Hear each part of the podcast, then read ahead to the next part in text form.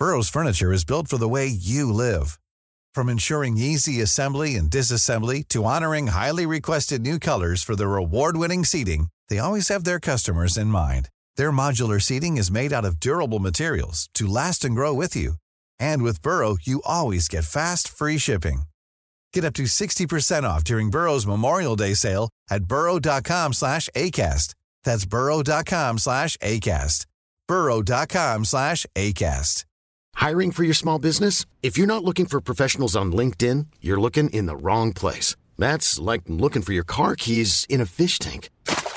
LinkedIn helps you hire professionals you can't find anywhere else, even those who aren't actively searching for a new job but might be open to the perfect role. In a given month, over 70% of LinkedIn users don't even visit other leading job sites. So start looking in the right place. With LinkedIn, you can hire professionals like a professional. Post your free job on linkedin.com slash people today. Hey, it's Ryan Reynolds, and I'm here with Keith, co-star of my upcoming film, If, only in theaters May 17th. Do you want to tell people the big news?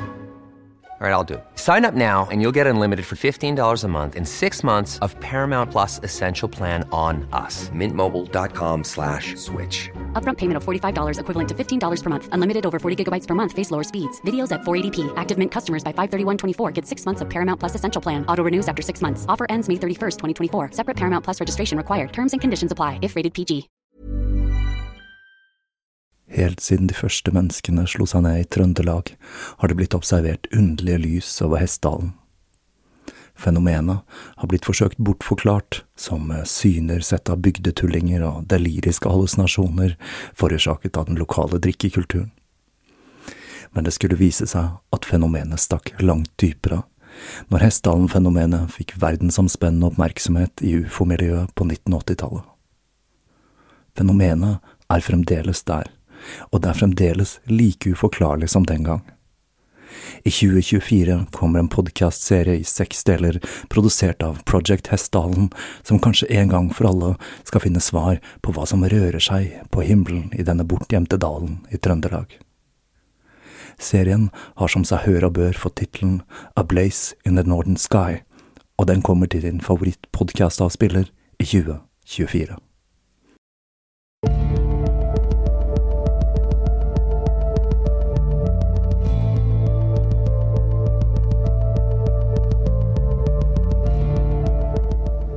Hei og velkommen til eh, Tåkeprat. Vi er nå kommet til eh, episode 31, og når jeg tar opp denne, da er det altså søndag den 2. juli.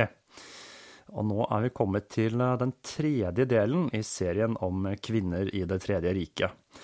Og nå skal jeg ta for meg kvinners delaktighet i nazistenes folkemord. Jeg har da bestemt meg for å dele denne historien i to. I denne episoden så skal jeg se på hva som skjedde utenfor utenfor leirene i det okkuperte øst, og jeg skal ta for meg noen enkelthistorier som viser hvordan hverdagslivet til kvinnene som hadde utvandret for å bosette seg i Hitlers Lebensraum, hadde forvandlet seg fra deres roller som hustruer og mødre i Tyskland til nybyggere i nazistenes tusenårsrike. Og i neste episode så skal jeg ta for meg det som skjedde i utryddelsesleirene, og noen av de kvinnene som har gått inn i historiebøkene som sadistiske monstre, før jeg da runder av det hele med en liten oppsummering. Og det betyr da at denne serien blir i totalt fire deler. Jeg tenkte også det var på sin plass å si at Eh, så langt så ser det ut til at eh, Tåkeprat har en usedvanlig oppegående gruppe med lyttere.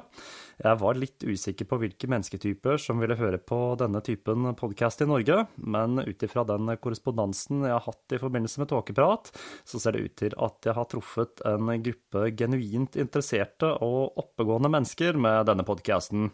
Noe som da gjør at jeg føler meg forpliktet til å levere et så bra produkt som mulig. Så tips gjerne en venn. Podkasten den vokser, og det er på grunn av dere. Å anta at vold ikke er en del av kvinners vesen, og at kvinner ikke er i stand til å utføre folkemord, er en tiltalende tanke. Dette gir i hvert fall et håp om at eh, om vi igjen begir oss inn i en slik type voldsspiral, så vil i alle fall halve befolkningen stå imot og beskytte de svake. Men å minimere den voldelige atferden til kvinner skaper falsk trygghet når vi snakker om folkemord.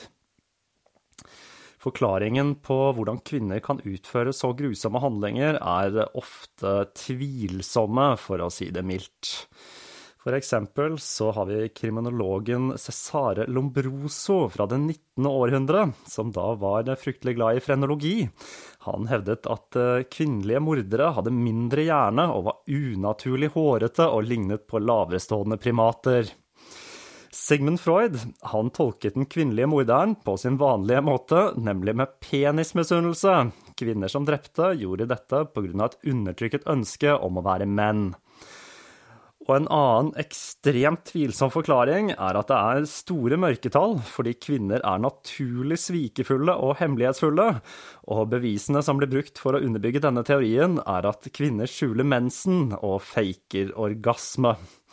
For meg så høres disse ideene ut som om de kommer fra forfatternes egne problemer og har svært lite med realiteten å gjøre. Men hva er egentlig de biologiske forskjellene på voldelig oppførsel blant eh, menn og kvinner? I dyreriket så viser studier av primater at hanner i stor grad slåss om dominans, mens hunder knytter bånd for å beskytte seg, og at hunder ofte deeskalerer situasjoner som er i ferd med å utvikle seg til vold. Men kan vi bruke denne typen studier til å forklare hva som skjedde i det okkuperte øst? Holocaust-historikeren Jehunda Bauer kommenterte at denne typen sammenligning er en fornærmelse mot dyreriket, fordi dyr gjør ikke slike ting. Oppførselen til de skyldige, den var altfor menneskelig. Folkemord som en idé og handling er et menneskelig fenomen. Gjennomføringen krever menneskelige kognitive evner og en ideologi med all sin mytologi og følelser, og ikke minst et velutviklet system for å kunne gjennomføre det hele. Mennesker er det eneste dyret som begår folkemord. Arbeidet til primatologen Frans de Wahl underbygger ideen om at mesteparten av kvinnene i Det tredje riket ikke var instinktivt voldelige, men de var heller ikke empatiske eller deeskalerende på samme måte som andre hunder i dyreriket. I vanlige samfunn, dvs. Si samfunn hvor det ikke pågår folkemord, står kvinner for ca. 10% av voldelig kriminalitet. Og da snakker vi i stor grad om vold i hjemmet, og sjelden om vold mot andre kvinner. Men i Nazi-Tyskland så ble individet visket ut til fordel for den kollektive bevegelsen, som ble drevet av en raseideologi og troen på dens egen overlegenhet. Det tredje riket var på mange måter det Jim Jones skapte i miniatyr i People's Temple, et fellesskap der alt kunne rettferdiggjøres om det bidro til å oppnå det endelige målet. Volden i Nazi-Tyskland var ikke ikke unormal eller avvikende fra det naturlige.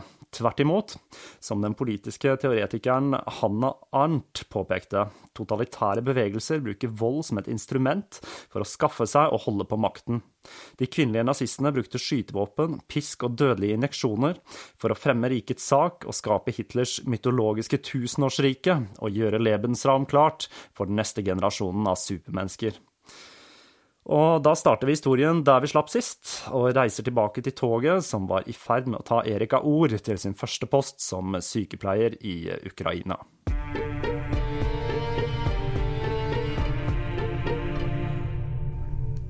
Erika Ord glemte raskt ensomheten hun først hadde følt da toget forlot perrongen og Tyskland. Det var midten av november 1942, de tyske troppene var spredt sporadisk utover østfronten, og med vinteren like rundt hjørnet så var den russiske bjørnen i ferd med å våkne. Når toget krysset grensen til Polen, så forandret landskapet seg fullstendig. Ord så for første gang utbombede landsbyer, og soldatene som var med henne på toget, ble plutselig stille. Det var slutt på sangen og den lystige stemningen som hadde rådet blant mennene som var på vei til Stalingrad. Det var da Ord forsto at til tross for alt hun hadde hørt på radioen, så trakk offensiven i øst ut lenger enn hva hun var blitt fortalt. Hjemme i Stuttgart så vil de snart bli utsatt for det tyngste bomberaidet så langt i krigen, og det var på østfronten det hele skulle avgjøres. For ord så virket reisen endeløs mens toget sakte beveget seg gjennom Hviterussland på vei mot Ukraina. Det var ikke stort å se fra toget, bortsett fra et endeløst, askegrått slettelandskap. Når hun endelig ankom hovedstaten i provinsen der hun skulle jobbe, Sytomyr, 15 mil vest for Kiev, var det sent på dagen. Erika lurte på hva hun skulle foreta seg da hun ble oppmerksom på to kvinnestemmer. Det var to kvinnelige militærassistenter, og de hjalp henne med å ordne transport til hennes nye arbeidsplass, et militærsykehus beregnet for ca. 100 pasienter satt opp i en tidligere skole. Dette var noe helt annet enn militærsykehuset i Stuttgart, hvor hun hadde fått opplæringen sin. Denne ukrainske utposten stinket av blod, verk og urin, og forfryste soldater skrek i smerte mens kuler og splinter ble fjernet og lemmer ble amputert. For Erika og hennes medsøstre så var Øst-Europa et overgangsrituale. Adskilt fra den verden de kjente, følte de seg isolerte. Den offisielle propagandaen beskrev Polen og Ukraina som områder der det tyske folks vilje skulle testes. For kvinnene som bega seg inn i disse områdene, ble dette starten på en forandring som skulle etterlate dype arr i sjelen som aldri ville leges.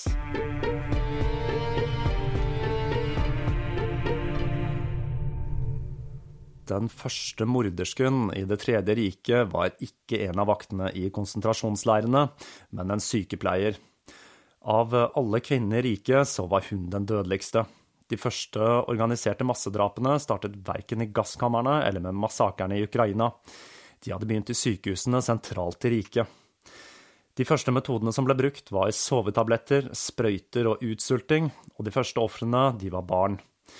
Under krigen ble tusenvis av misdannede barn og spedbarn gitt overdoser av barbiturater, dødelige injeksjoner med morfin og sultet i hjel. En liten sidenote her, så er barbiturater et eh, gammeldags sedativ som var veldig utbredt på den tiden. Denne stoffgruppen har da en rekke interaksjoner med andre medikamenter som kan føre til fatale resultater, og i dette tilfellet så er det nok akkurat derfor man brukte de. Barbiturater ble senere i stor grad erstattet av benzodiazepiner som valium, som i dag da i stor grad er erstattet av nye stoffgrupper. Men bruk av barbiturater, for, som da er forbundet med en ganske ekstrem avhengighet og abstinenssymptomer, er fremdeles utbredt i noen land, som annet i Russland. Alt dette ble gjort i fremskrittets navn, for eugenikk var en ny vitenskap lansert av den Harvard-utdannede Charles Davenport i hans bok Eugenics – The Science of Human Improvement by Better Breeding fra 1910. I Tyskland var eugenikk også kjent som rasehygiene, og ble anvendt i en rekke offentlige programmer for å øke bestanddelen av ariere i befolkningen. Arvelige genetiske trekk ble sett på som å ha en direkte effekt på sivilisasjonen og suksessen til disse. Og i dag som eh, betegnelsen rasist og rasisme blir brukt litt i hytt og gevær, folkens, dette er rasisme i ordets rette forstand. Rasisme ble sett på som en positiv ting. Framskritt kunne oppnås ved å fjerne de genetiske trekkene som holdt menneskeheten tilbake, og i nazistenes hender skulle denne ideologien bli til håndfast handling. Biologisk manipulasjon, segregasjon og sterilisering var ikke nok for å oppnå målet med et perfekt arisk samfunn. Den eneste endelige løsningen var å utrydde den genetikken som kunne forpeste det rene ariske blodet, og det første skrittet mot denne løsningen var å utrydde disse genene fra den tyske befolkningen. Under det misledende begrepet aktiv dødshjelp eller eutanasi ble programmet for å rense befolkningen for genetiske defekter autorisert av Adolf Hitler personlig. Fra den tidlige begynnelsen til riket, før invasjonen av Polen, involverte programmet rekruttering av sykepleiere, jordmødre og leger. Disse ville i løpet av krigen drepe mer enn 200 000 mennesker i Tyskland, Østerrike og i de okkuperte områdene i øst. Nesten 400 medisinske institusjoner skulle bli åsteder for drap, raseevaluering, medisinske eksperimenter, massesterilisering, utsultning og forgiftning. I ukene før invasjonen av Polen beordret Innenriksdepartementet at leger og jordmødre skulle rapportere inn alle barn under tre år med misdannelser og psykiske lidelser, og mødrene ble overtalt til å gi disse barna til såkalte barneklinikker, som fungerte som drapsfabrikker. Så mange som 8000 barn ble drept på denne måten i Tyskland og Østerrike, før programmet ekspanderte til nå også å omfatte voksne. Diagnosene som førte til eutanasi, som åndssvakhet, galskap og demens, ble stadig mer utflytende og uklare. Massehenrettelse ved skyting av polske psykiatriske pasienter begynte i Kosborovo i september 1938, og i oktober samme år begynte gassingen av pasienter ved asylet i Ovinska, og dette var starten på mekaniseringen av massedrapene og teknikkene som senere skulle spre seg til russiske krigsfangeleirer og konsentrasjonsleirer som Belzec, Sobibor og Treblinka. En mer usikker del av historien om disse massedrapene er at eutanasiprogrammet etter hvert også ble rettet mot rikets egne soldater, som hadde pådratt seg alvorlige fysiske eller mentale skader ved østfronten. I et eh, hemmelighetsstemplet program skal Viktor Brack, en SS-offiser som var ekspert på gassing og sterilisering, ha ledet en gruppe i desember og januar 41-42 til et sykehus i nærheten av Minsk for å lette lidelsene til rikets soldater. En av disse dødsenglene var Pauline Kneisler, som i avhør etter krigen forklarte at hun ble sendt til Minsk, og at hun var frustrert over at hun ikke fikk lov til å være en vanlig sykepleier. Men når hun var i øst, så administrerte hun dødelige injeksjoner til hjerneskadde, blinde og skadede soldater. De vi drepte var våre egne, sa hun, men hun rettferdiggjorde det hele, som hun også gjorde med gassingen av pasienter ved Grafenek, at de alle døde uten smerte. Grafenek i Baden-Würtemberg er et slott som ble brukt til de første gassingene av handikappede og psykisk utviklingshemmede med karbonmonooksid. Ca. 10 500 tyskere ble drept i dette slottet, som i dag er et minnesmerke dedikert til de som mistet livet i eutanasiprogrammet. Pauline hun var altså en pioner og en veteran i dette arbeidet når hun ble sendt til Minsk. En virkelig dødsengel, altså, og noe som gjør vitneutsagnet hennes troverdig. Dette emnet var og er et uh, tabu, og vi kan ikke være 100% sikre på at det skjedde i kaoset og i krigens tåke som lå tungt over landene i øst. Men regimet drepte allerede uføre og psykisk utviklingshemmede, så hvorfor skulle de ta seg bryet med å transportere alvorlig skadde soldater tilbake til Tyskland? Med krigen rasende i øst så kunne disse rapporteres som falne i krigen, og familien kunne få beskjed om at deres sønner og ektemenn døde som martyrer framfor å få en handikappet mann hjem. Og rikets bataljon av brune sykepleiere med sine morfinfylte sprøyter var i alle fall utstyrt til å kunne gjennomføre denne typen barmhjertighetsdrap. Og det hele har en slags makaber logikk som passer rett inn i den nazistiske ideologien. Etter eh, pasientene ved mentalsykehus og institusjoner i Ukraina, Hviterussland, Polen og Baltikum var utryddet, ble bygningene ofte overtatt av de nye tyske styresmaktene, som brukte de som klubber for Hitlerjugend, brakker for soldatene, offiserklubber for SS og sovesaler for rikets kvinner men noen få av disse ble brukt som utrydningssentre. I 1942 eh, ble asylet i Messeritz Obravalde, en tysk grenseby, brukt til nettopp dette. I løpet av 1942 og til 1944 ble pasienter fra 26 tyske byer fraktet hit. Transporten fra Hamburg den besto av 407 handikappede pasienter, hvorav 213 var menn, 189 kvinner og fem barn, og få overlevde.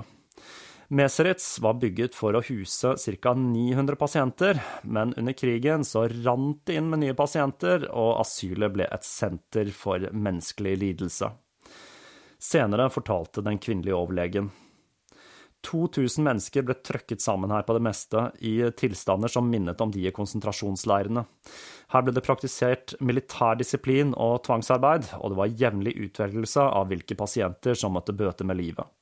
Leger og sykepleiere drepte pasienter som var ekstra brysomme, som de som var døvstumme, syke, motsatte seg behandlingen, udisiplinerte, eller som staben på en eller annen måte fant brysomme, så vel som de som forsøkte å rømme, eller de som var involvert i uønskede seksuelle forhold.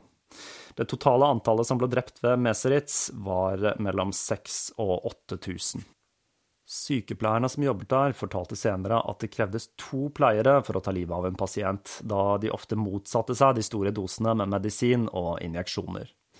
Disse utryddelsessentrene var sammen med konsentrasjonsleirene statsstøttede og en del av rikets politikk, og i disse institusjonene finner vi mange av kvinnene som jobbet som kontorarbeidere, etterforskere, administratorer og vakter, i tillegg til kvinnelige sykepleiere og leger som selv sto for drapene.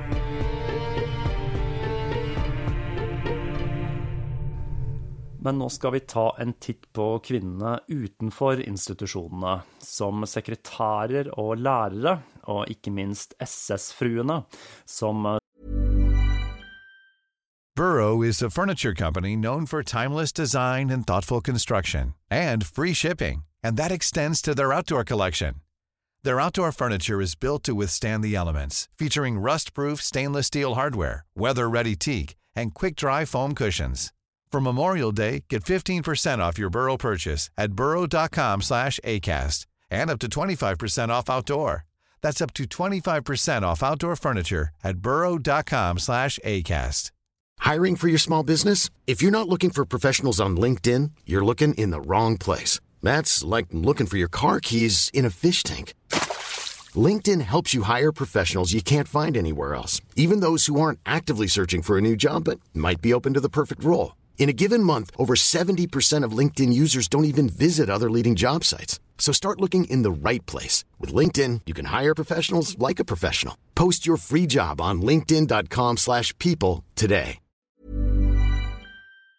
sammen med sine menn hadde etablert seg i disse nye landene i en tilværelse hvor de hadde blitt noe som kan minne om plantasjeeiere, en slags nazi-cowgirl-hybrid som red på hest med ridebukser, pisk og pistol. Disse kvinnene hadde profilert seg voldsomt på den okkuperte befolkningen, og frarøvet enorme verdier i form av gull, kunst, klær og antikviteter, mens jødene ble konsentrert i gettoer omgitt av piggtråd, hvor de måtte kjempe for den lille maten de hadde tilgang til. De byttet vekk alt de hadde av verdier for en tørr skalk med brød for å kunne klamre seg til livet en dag til. Den okkuperte befolkningen fungerte også som slaver for okkupasjonsmakten, som murere, tømrere, gartnere og med arbeid i åkrene. I dette ville Østen så hadde massehenrettelsene begynt. Enorme grupper av jøder, slavere og andre uønskede ble skutt i enorme massakre, som var så grusomme at riket utviklet metoder som gassing for å spare bødlene den mentale belastningen ved å henrette tusenvis av mennesker på kloss hold. Landet var gjennomstengt av blod, massegravene og likstanken var overalt, og skillet mellom rett og galt, moral og umoral ble sakte visket ut i en tåke av rødt. I august 1942 hadde de lokale lederne i Ukraina fått ordren om at den endelige løsningen skulle gjennomføres 100 og det er her vi snubler over historien om Johanna Altvater, eller Fraulein Hanna. Hun var en ambisiøs sekretær fra Minden og var 22 år gammel når hun ankom den ukrainsk-polske grensebyen Volodomyr Volynskij med sine 30 000 innbyggere. Byen var omgitt av hveteåkre og skog, og avgrenset av to elver, Bugg og Luga, hvor tyskerne likte å ta båtturer og dra på piknik. Byen var også militært og strategisk viktig, med soldatbrakker, sambandssentral, flyplass, drivstoffdepot, mursteinfabrikk og tekstilfabrikk. Og for jødene så var driften av disse essensiell for deres overlevelse. Et par måneder før Altvater ankom, så hadde SS allerede iverksatt antijødiske grep i Volodymyr Volynskij. De hadde fått jødene i gettoen til å danne et råd, før de ydmyket de med å begrave hele rådet levende. Bortsett fra lederen, som da begikk selvmord sammen med familien som en følge av det hele. Den 30. september, som da er den jødiske høytiden Jom Kippur, var det en enda større massakre. Sjefen til Altvater, Wilhelm Westereide, var sendt for å overta rollen som regionskommissær, og da han begynte å bruke jøder som lastet tønner med drivstoff på toget som blink, så ble det klart at livet ikke ville bli lettere under hans kontroll. Johanne Altvater hun bestemte seg for å gjøre sin del av jobben og red rundt iført uniform med pisk og pistol, og hun ble ofte sett sammen med sin sjef på rutinemessig besøk i gettoen etter å ha tjoret hesten sin ved inngangen. Den 16. september 1942 gikk Fraulein Hanna inn i gettoen. Hun gikk bort til et par jødiske barn, en seksåring og en enda yngre, som bodde like ved muren som eh, omkranset gettoen. Hun smilte til de og vinket som om hun hadde tenkt å gi dem noe godt, og den yngste løp over til Altvater, som istedenfor å gi barnet mat, tok tak i beina på barnet, løftet det opp og svingte det med hodet først inn i murveggen, igjen og igjen som om hun banket et teppe. Hun kastet det døde barnet foran føttene til faren, som senere vitnet. Jeg har aldri sett slik sadisme fra en kvinne, dette vil jeg aldri glemme. Det var ingen tyske offiserer til stede, og blodet til dette barnet var på Altvaters hender alene. Når gettoen skulle likvideres, så red fraulein Hanna inn pisk i hånd for å gjete jødene inn i bilen som skulle frakte de til rette stedet. Hun marsjerte inn i bygget som ble brukt som et midlertidig sykehus, og gikk rett inn i barneavdelingen, hvor hun begynte å studere spedbarna. Hun plukket opp enkelte og kastet de av balkongen, større barn ble dyttet av. Balkongen var da i tredje etasje. En sykepleier ble sendt ned for å sikre seg at alle barna var døde. Altvaters spesialitet var å drepe barn. Et vitne fortalte at hun flere ganger hadde lokket til seg barn med godteri og ba de åpne munnen, hvorpå hun skjøt de med en liten sølvpistol hun alltid hadde med seg. Fraulein Hanna var ikke spesielt godt likt av de andre kvinnene i byen, da hun var svært maskulin og elsket å sprade rundt i naziuniformen sin. Denne maskuliniteten, komplett med en mannlig frisyre, blir ofte brukt til å forklare hennes grusomme handlinger. Men dette er da selvsagt en forklaring som faller på sin egen urimelighet. Og den neste kvinnen vi skal se på, var motstykket til Altvater. Ultrafeminin og gravid, og på mange måter den arketypiske nasjonalsosialistiske kvinnen.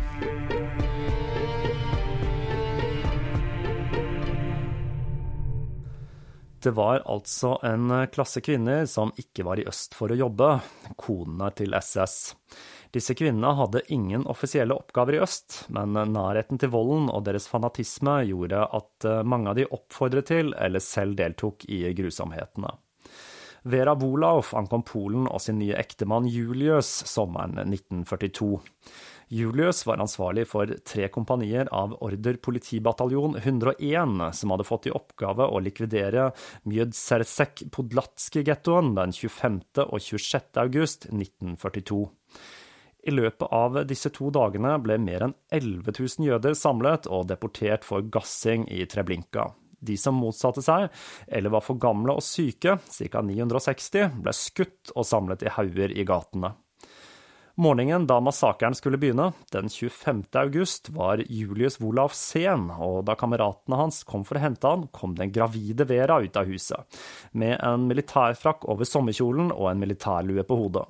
Hun hoppet inn i framsetet på bilen som ledet kortesjen inn i gettoen.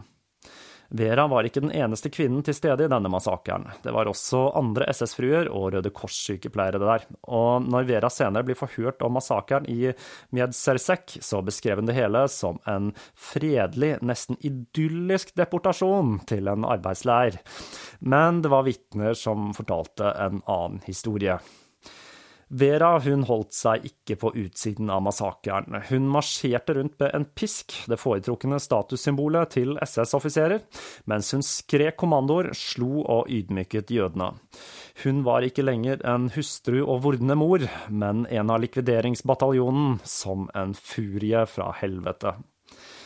Denne hendelsen er blitt gjennomstudert av historikere, nettopp fordi Vera, som en idealkvinne i Det tredje riket, deltok i dette grimme arbeidet, og at hun var gravid, det skaper en grusom kontrast til massedrapene som ble utført disse to dagene. Det vi ser, er at eh, hva som ville vært eh, totalt uakseptabel oppførsel for en kvinne hjemme i Tyskland, ble normalisert i hva vi må kunne kalle en slags mørk kvinnefrigjøring, der synet på vold, kjønn og seksualitet ble vrengt på en måte verden sjelden har sett maken til. Denne dissonansen mellom hva som foregikk i øst og kvinnenes rolle i Tyskland, har nok også bidratt til å begrave hva som egentlig skjedde med kvinnene i det okkuperte øst, for all ettertid. Det var mange tyske kvinner som enten av nysgjerrighet, sadisme eller av andre grunner dro til åstedene. Som medskyldige så egget de sine mannlige kollegaer til å drepe, mens de forbrøt seg på sine egne måter. De skjelte ut jøder i gettoene, de stjal deres personlige eiendeler, de arrangerte fester når jødene ble tvunget til å forlate sine hjem og ble deportert til den sikre død i konsentrasjonsleirene. Fotografier fra likvideringene i Rubietsov viser smilende tyske tilskuere. Konene til SS-offiserene spiste kake og drakk kaffe mens det hele foregikk. På et bilde i et fotoalbum til et medlem av Order politibataljon 101 kan man se et bilde av Vera som drikker øl med sin mann og kollegaene. Var dette en feiring av deportasjonen og massakren i Mjedsyrsek?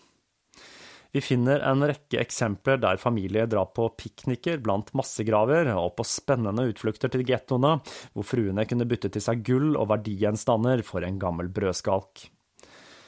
SS-offiserene og deres koner som var stasjonert i øst, i Polen, Ukraina, Hviterussland og Baltikum, nøt en ny frihet. En følelse av eventyr, et fruktbart land med skatter plyndret fra de innfødte, og makten til pisken. Mot slutten av 1942 så kontrollerte SS eh, en halv million mål med jordbruksarealet mellom Svartehavet og Baltikum. En av disse plantasjene var Gresenda, med hovedhuset, som en gang hadde vært villaen til en polsk adelsmann like utenfor dagens Lviv. Huset med sine hvite søyler lå omkranset av små landsbyer, skogholt og grønne åser. Inngangspartiet med sin smijernsport førte inn til gårdsplassen, som var omkranset av forseggjorte terrakottafliser på dette idylliske landstedet. I juni 1942 ankom Erna Petri med sin tre år gamle sønn, og hun må ha blitt overveldet av dette imponerende stedet, som sto i sterk kontrast til gården hun kom fra i Turinga. Etter noen få dager så, så hun mannen sin, Horst, slå arbeiderne sine og begå seksuelle overgrep mot den kvinnelige staben. De lokale bøndene sa at han var en sadist som likte vold, og han lo og koste seg mens han slo ukrainere, polakker og jøder. Horst selv så ikke på seg selv som en sadist. Man må sette seg i respekt, sa han. Når det ble klart at eh, krigen ikke gikk Tysklands vei, så ble Horst og Erna enda mer brutale for å sikre seg kontrollen over eiendommen. Sommeren 1943 så dro de på jødejakt for å finne jøder som hadde rømt fra togene som transporterte de til utrydningsleirene. Horst ledet raid i de lokale landsbyene for å finne jøder som skjulte seg der. Erna, som bodde i Gresenda fra juni 1942 til eh, begynnelsen av 1944, begynte også å slå arbeiderne, og vold var vevet inn i hverdagslivet i plantasjen. Eiendommen var omgitt av en rekke vakre hager hvor det var perfekt å spasere en søndagstur, og mange SS-offiserer fra områdene rundt de besøkte herr og fru Petri for å få et lite avbrekk fra krigen. En av disse søndagene da den øverstkommanderende SS-offiseren i regionen var på besøk, kom to av offiserens assistenter løpende til følge som spaserte i hagen. Vi har sett et par jøder som har rømt, kunne de fortelle, og etter en kort diskusjon om hva de skulle gjøre, så ble kvinnene beordret tilbake i huset. Dette var mannfolkarbeid, ble de fortalt. På vei opp til hovedhuset så hørte de fire pistolskudd. Flere måneder senere, sommeren 1943, når Erna var på eh, vei hjem fra et ærend, så så hun at det satt noen langs veien. Da hun kom nærmere, så så hun hva det var. Det var en liten gruppe barn kledd i filler. Hun skjønte straks at dette var rømte jøder. Barna var sultne og vettskremte, så Petri tok de med seg hjem. Da de kom til Grosenda, så ga hun de mat mens hun ventet på Horst. Hun visste jo at alle rømte jøder, de skulle skytes. Men Horst uteble, og hun bestemte seg for å ta saken i egne hender. Hun førte de seks barna ut i skogholtet der de andre jødene var blitt begravet, og hun tok med seg avskjedsgaven hun hadde fått fra sin far på avreisen til Det ville øst, en pistol fra første verdenskrig. Hun ba barna stille seg på en rekke med ansiktet fra henne, og holdt pistolen ca. ti centimeter fra nakken til det første barnet, og trakk av, før hun gjorde det samme med nestemann. De andre barna begynte å gråte. Ikke høyt, de klynket og ristet. Men Erna hun stålsatte seg, og hun, for hun visste jobben måtte gjøres, og hun tok de av dage én etter én til alle lå livløse i gropen. Ingen av de forsøkte å rømme, de var for slitne og sultne til det. Erna hadde lært at eh, den beste måten å henrette jøder på, var med et rent skudd mot baksiden av nakken, ved å overhøre Horst og hans kollegaer snakke sammen over kaffe. Hun visste nøyaktig hvordan hun skulle gå fram den dagen. Andre forlystelser der vi finner en rekke eksempler hvor kvinner deltok, var skyting av jøder fra balkongen, som for eksempel ved å trene blinkskyting med salonggevær på de som jobbet i hagen, og menneskejakt fra hesteryggen i de østeuropeiske skogene, i en grotesk parodi på den britiske revejakten.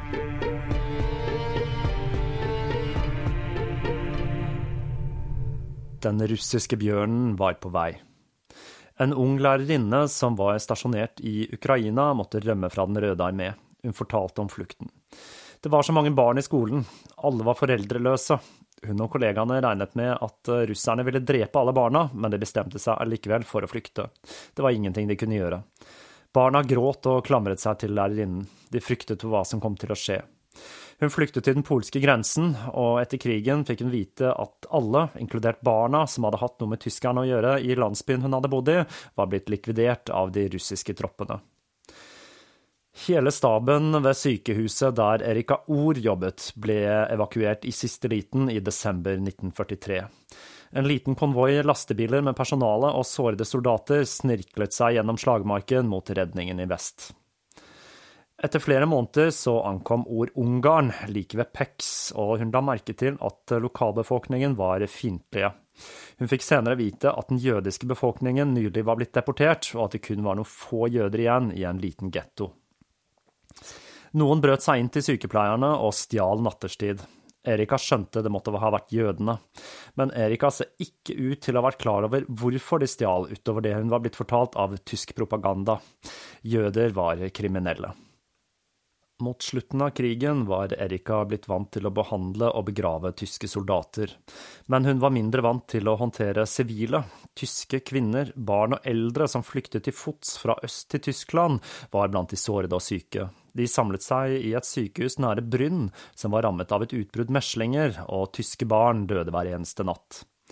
Ord var ikke helt sikker på hva hun skulle gjøre med alle de små likene, de kunne i hvert fall ikke ligge sammen med de levende og syke, mødre og søsken.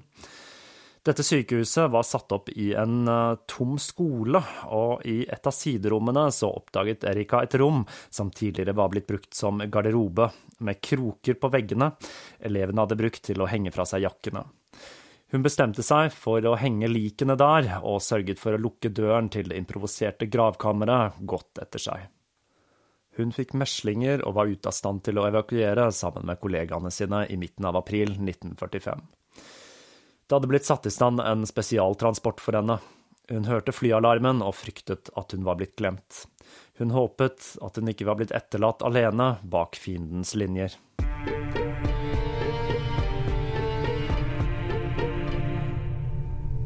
Dette er da bare noen få eksempler på hvordan livet i de okkuperte områdene kunne utarte seg.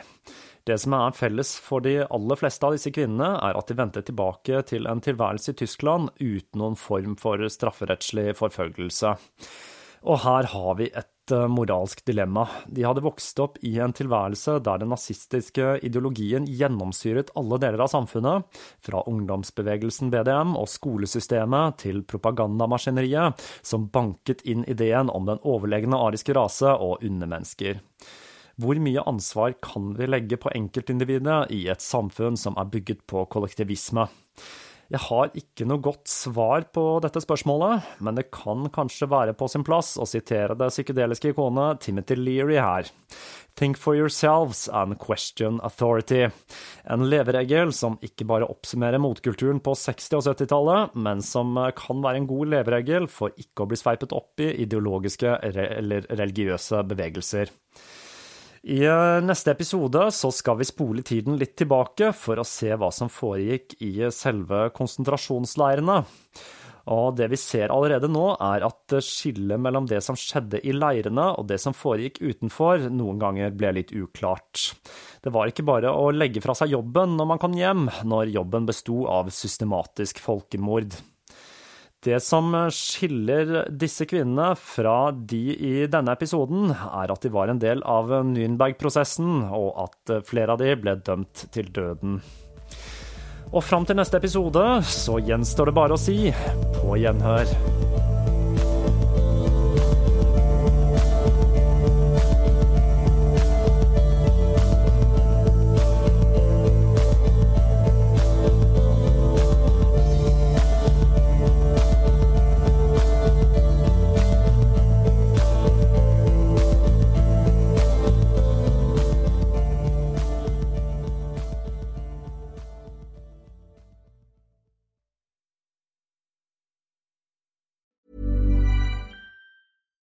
It's Paige DeSorbo from Giggly Squad. High quality fashion without the price tag. Say hello to Quince.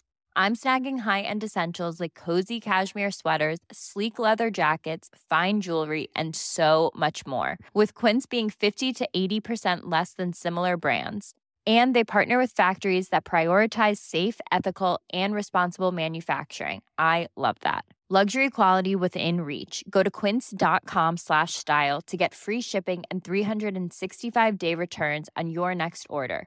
Quince.com slash style.